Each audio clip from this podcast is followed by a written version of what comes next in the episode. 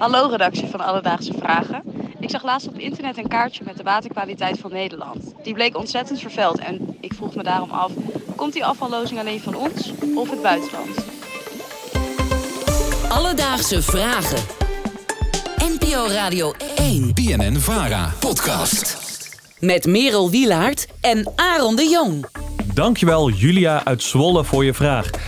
Ja, dat kaartje hè. Merel, ik kan me herinneren dat jij een tijdje geleden mij dat kaartje ook hebt laten zien. Dat kaartje met al die eh, enorme rode wateren bedoel jij? Ja, die. ja. Ja, dat was eh, een heel heftig moment voor mij, vond ik. Waarom? Nou, ik heb mijn hele zomer in allerlei plassen en rivieren gelegen. En toen ik het kaartje zag, was het een soort tun, tun, tun. Ik zag een film voor me waar ik allemaal gezwommen had en eventueel giftig water heb eh, ingeslikt. Ja, vreselijk.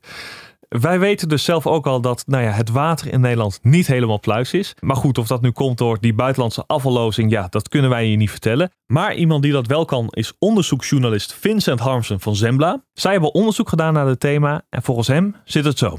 Ja, het antwoord op die vraag is ja. Er komt ook buitenlandse afvallozing in Nederland terecht. Wat wij hebben onderzocht is het PFAS-schandaal. En dat gaat over uh, verontreiniging van de Nederlandse Westerschelde met PFAS-chemicaliën. En die chemicaliën die blijken afkomstig te zijn uit Vlaanderen. Um, we wisten al dat uh, die chemicaliën uh, zijn geloosd door een fabriek in Antwerpen, de 3M-fabriek. Maar wat wij hebben ontdekt is dat een, uh, een, afvalverwerker die ook in de Antwerpse haven zit, ja, dat die de afgelopen jaren ook enorme hoeveelheid van deze PFAS-chemicaliën uh, uh, in het water heeft geloosd. En daarmee uiteindelijk ook ja, de Nederlandse Westerschelde ernstig heeft vervuild. Vincent die noemde net PFAS en even ter opfrissing. Dit zijn piepkleine chemische stoffen die bijvoorbeeld in de productie van sommige producten worden gebruikt. En het probleem met deze stoffen is wanneer ze in het milieu belanden, ja, dan breken ze nagenoeg niet af. En ja, dan kunnen wij ze als mensen ook binnenkrijgen. En dan heb je de poppen helemaal aan het dansen, want deze kleine stoffen die kunnen van alles veroorzaken. Bijvoorbeeld leverschade, kanker en negatieve effecten op het immuunsysteem. Maar daar houdt het niet op, want die afvallozing in de Westerschelde is niet de enige plek waar dit in Nederland gebeurt.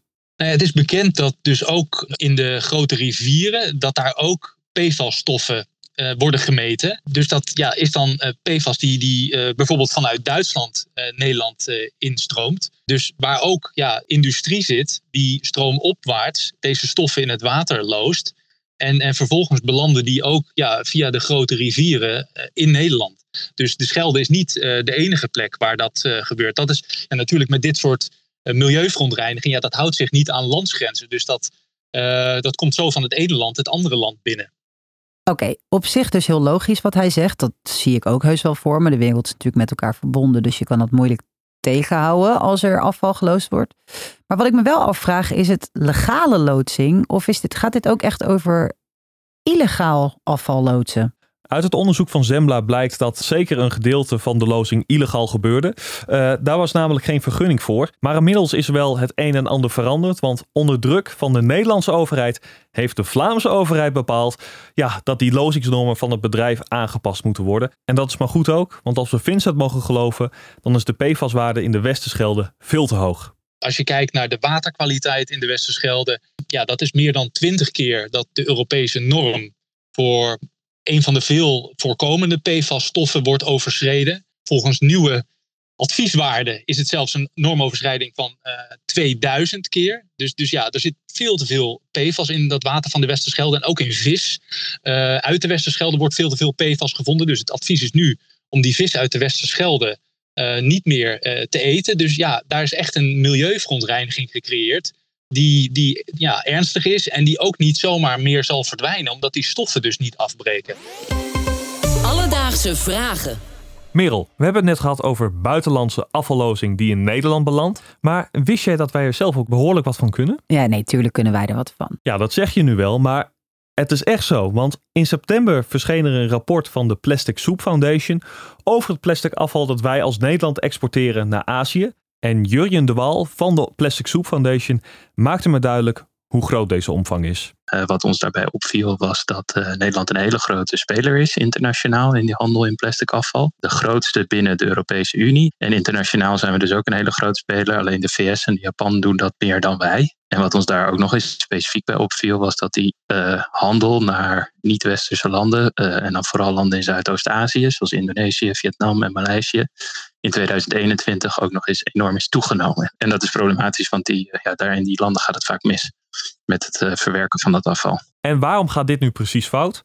Nou, heel vaak is de kwaliteit van die geëxporteerde plastic zo slecht dat het helemaal niet meer te recyclen valt. En dan zit de lokale bevolking er maar mee. Soms wordt er nog geprobeerd ook de lokale bevolking nog het, met de hand het beste afval eruit te laten halen. En dan kunnen die dat dan nog een keer verkopen. Maar uiteindelijk blijft er dan heel veel over. En uh, ja, dat wordt dan uh, inderdaad lokaal eigenlijk gewoon achtergelaten en gedumpt. Dat komt dan in de rivier terecht. Of dat wordt uh, nog erger gewoon in de open lucht verbrand. En dat is heel erg schadelijk voor mensen en gezondheid. Ja, het is dus best wel lijp dat zeg maar, daar wordt het bijvoorbeeld in de fik gestoken. Dus zij lijken de vervuilers, maar in eerste instantie dumpen wij het daar. Dus Julia, om een antwoord te geven op je vraag, komt buitenlandse afvallozing ook bij ons terecht? Nou, het antwoord is een volmondige ja. Uit onderzoek van Zembla blijkt dat de Westerschelde vol zit met geloosd afval uit Vlaanderen. En ook via de rivieren komt er ongelooflijk veel afval ons land binnen. En vind je dit een interessant onderwerp? Luister dan vooral naar de Zembla-podcast over het PFAS-schandaal. En heb je nou ook nog een alledaagse vraag? Stuur ons dan een berichtje op Instagram. Dat kan naar Alledaagse Vragen of stuur een mailtje naar alledaagsevragen.radio1.nl en dan zoeken we het voor je uit. Alledaagse Vragen. NPO Radio 1. BNN Vara. Podcast.